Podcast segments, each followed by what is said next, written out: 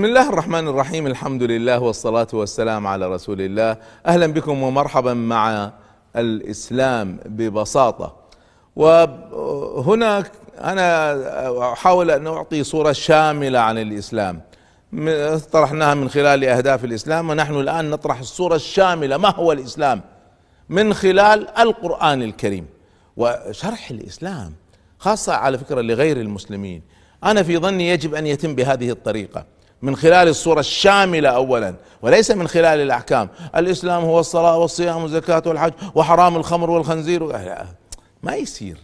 هذا هذا ما نبدأ بالفروع نبدأ بالأصول بالصورة الشاملة.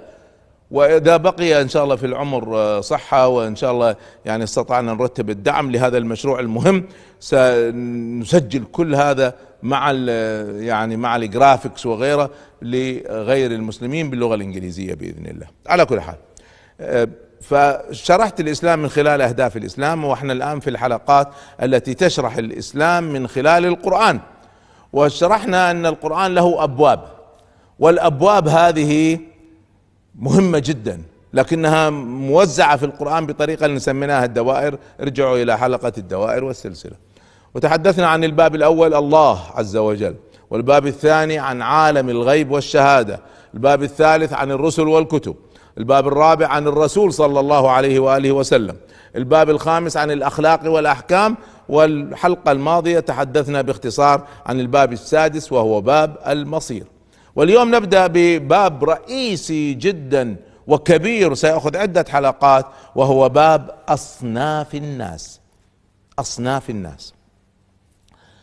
القرآن صنف الناس. بناء على موقفهم في الدنيا وبناء على مصيرهم في الآخرة. وهذا التصنيف في كل القرآن ومتكرر. واحفظوا هذا القانون. يندر جدا جدا جدا. أن القرآن يتكلم عن صنف واحد بس. في في آيات معينة يتكلم عن صنف توقعوا فورا أنه سيتكلم عن الصنف المقابل. يعني مثلا في سورة الحاقة لما الله سبحانه وتعالى يتكلم عن توزيع الكتب. وهذا من مشاهد مشاهد القيامة مشاهد أحداث الساعة. فأما من أوتي كتابه بيمينه فيقول هاؤم اقرأوا كتابي ويفصل فيه. الآن هو قاعد يتكلم عن هذا الصنف. فورا لا أنا بس أقرأ صنف فورا أتوقع أن أكيد حيأتي بعد شوية صنف الآخر ولذلك فعلا وأما من أوتي كتابه بشماله ويقول تذكروا هذا القانون. ما يذكر صنف واحد إلا يذكر معه صنف آخر. هذا التصنيف مهم جدا. ويجب أن نعرفه لأن تنبني عليه قضايا فقهية وقضايا عقائدية. خطيرة جدا. وحتى على فكرة قضايا سياسية كلها مبنية على تصنيف الناس.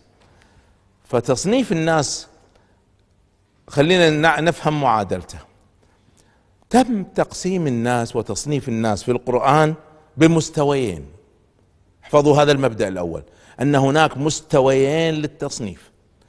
تصنيف في الدنيا هذا المستوى تصنيف في الآخرة هذا مستوى وهما ليسوا نفس الشيء. لازم نميز بينهم. واللي ما يميز هو اللي وقع في مشاكل حتى عقائدية ودخل في الإرهاب وغيره. خلينا نفهمها. في تقسيم دنيوي في تقسيم أخروي. التقسيم الدنيوي الناس في الدنيا ثلاثة أصناف. والتصنيف الأخروي الناس في الآخرة صنفان. التصنيف الدنيوي نبدأ به.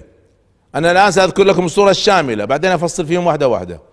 التصنيف في الدنيا الناس مقسمين إلى مسلم هذا النوع الأول غير مسلم أو كافر هذا مصطلح يسمى به غير المسلم. وسنذكر ليش يسمى كافر هذا النوع الثاني. والنوع الثالث في الدنيا تقسيم الدنيوي هو المحارب. اذا مسلم غير مسلم محارب. الآن التصنيف الأخروي نوعين. النوع الأول هو المؤمن. ما نتكلم عن المسلم الآن نتكلم عن المؤمن والمقابل له الكافر. فكلمة الكافر في الآخرة شيء وفي الدنيا شيء. أحيانا يكون نفس المصطلح يستعمل بطريقتين. مثل ما شرحنا لما نتكلم عن الدين. الدين يقصد به الحساب والدين يقصد به منهج حياة. فكلاهما نفس الكلمة. كلمة كافر في الدنيا شيء وفي الآخرة شيء. وذلك بعض الناس اختلط عليه الأمر. كيف يسميهم كفار وكذا؟ أنت على أي تصنيف قاعد تشتغل؟ على تصنيف الدنيوي ولا على الأخروي؟ خلينا نفهم. اذا هذا التصنيف سيساعدنا كثيرا. ودعوني أقول لكم كلمة يعني. بعض الناس يقول أو يظن أن بس المسلم هو الذي يدخل الجنة. حنانيكم طولوا بالكم. هذه المساله دخول الجنة والنار. هذه قضية في الآخرة ولا في الدنيا؟ في الآخرة. اذا تدخل تحت أي تصنيف؟ تصنيف الأخروي. ليش قاعد تطبق عليها التصنيف الدنيوي؟ لا تخلطوا. تصنيف الدنيا شيء وتصنيف الآخرة شيء. لما نفهم هذه المعادلة والله راح تحل لنا مشاكل كبيرة جدا. يلا ننطلق. نبدأ بالتقسيم الدنيوي. يقول وأذكركم التصنيف الدنيوي. الناس في كم نوع؟ قلنا الناس ثلاثة أنواع. النوع الأول مسلم النوع الثاني غير مسلم أو كافر والنوع الثالث المحارب. يلا نبدأ. من هو المسلم؟ من هو المسلم؟ معادلة الدنيا جدا جدا جدا بسيطة. المسلم هو الذي قال لا إله إلا الله محمد رسول الله. بس قالها بلسانه. ما قاعد أتكلم عن مؤمن أنا قاعد أتكلم عن مسلم. بس يقولها بلسانه دخل الإسلام. إيه طيب اللي ما قالها؟ لم يدخل الإسلام بس في خط اسم الشهادتين. بني الإسلام على خمس أولها الشهادتين. لازم يدخل الإسلام. كيف يدخل الإسلام؟ ما يكفي القلب. أنا ما قاعد أتكلم عن المصير أذكركم. أرجوكم أرجوكم ما حد يأخذ التصنيف الدنيوي ويستعمله من يدخل الجنة من يدخل ما له علاقة على فكرة ما في علاقة. من اللي يدخل الجنة ويدخل النار هذه معادلة ثانية. أنا لا أتحدث عنها اطلاقا الآن. أنا قاعد أتكلم عن تصنيف دنيوي. النوع الأول هو المسلم. من هو المسلم؟ الذي نطق شهادتين النوع الثاني هو غير المسلم وله مصطلح الكافر من باب التبسيط. من هو الكافر؟ هنا الكافر ليس المقصود به الذي يذهب للنار. الكافر المقصود به هو الذي لم ينطق الشهادتين بكل هذه البساطة. التصنيف الثالث هو المحارب. المحارب. من هو المحارب؟ الذي رفع السلاح على الناس سواء هؤلاء الناس كانوا مسلمين أو أبرياء مستضعفين. كلاهما نعتبره محارب. يعني لو رفع السلاح على ناس أبرياء مستضعفين نصارى هذا نسميه محارب. طيب لو مسلم رفع السلاح على مسلم نسميه محارب. طيب لو مسلم رفع السلاح على غير مسلم بريء نسميه محارب. إذا من هو المحارب؟ هو الذي يرفع السلاح على على أمتنا أو على المستضعفين أبرياء. هذا اسمه محارب. خلصنا من هذا التصنيف؟ خلينا نقول كلمة مهمة جدا الآن. هذا التصنيف ما له علاقة من يدخل الجنة من يدخل النار. طبعا له أثر بس ليس بالضرورة أن كل واحد نطق الشهادتين سيدخل الجنة. ليس كل واحد نطق الشهادة. وليس كل واحد لم ينطق الشهادتين سيدخل النار. سنشرح هذا لا تستعجلوا. والمحارب قد يكون مسلم وبسبب حرب هذا يدخل النار وقد يكون غير مسلم. فانتبهوا تقسيم دنيوي بحت. خليني أقول كلمة أيضا مهمة جدا وهو أن هذا التقسيم اللي قاعد نتكلم عنه هو تقسيم فقهي وليس عقائدي.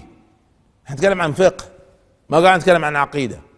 يعني ما في ناس نطقوا الشهادتين وهم كفار في قلوبهم كفار المنافقين إيش هم في في باطنه الكفر. فهذا صحيح هو نطق الشهادتين لكنه كافر. وهم كمصير في الدرك الأسفل من النار. فاذا الله يخليكم الآخر خلينا نأجل الحديث عنها. طيب لما نقول تقسيم فقهي ماذا ينبني عليه؟ ينبني عليه فقه. يعني ما دام نطق الشهادتين إذا يعامل معاملة المسلمين. أنا مالي شغل إيش اللي في قلبه المطلع على القلوب هو الله سبحانه وتعالى. يعامل معاملة المسلمين من ناحية الأحكام الفقهية. ما هي الأحكام الفقهية الخاصة بالمسلمين؟ يعني آه، يؤكل من ذبيحته آه، يدفن مع المسلمين يزوج بنات المسلمين. في قضايا فقهية خاصة بالمسلمين. وفي طبعا أشياء أخرى كثيرة الحقيقة في قضايا الفقه. طيب غير المسلم؟ غير المسلم يعتمد على نوعه أيضا. يعني مرة ثانية حسب نوعه تكون الأحكام الفقهية. يعني مثلا غير مسلم يهودي. طب هذا يجوز آكل من ذبيحته. لكن غير مسلم مشرك لا ما يجوز آكل من ذبيحته. اذا أحكام فقهية.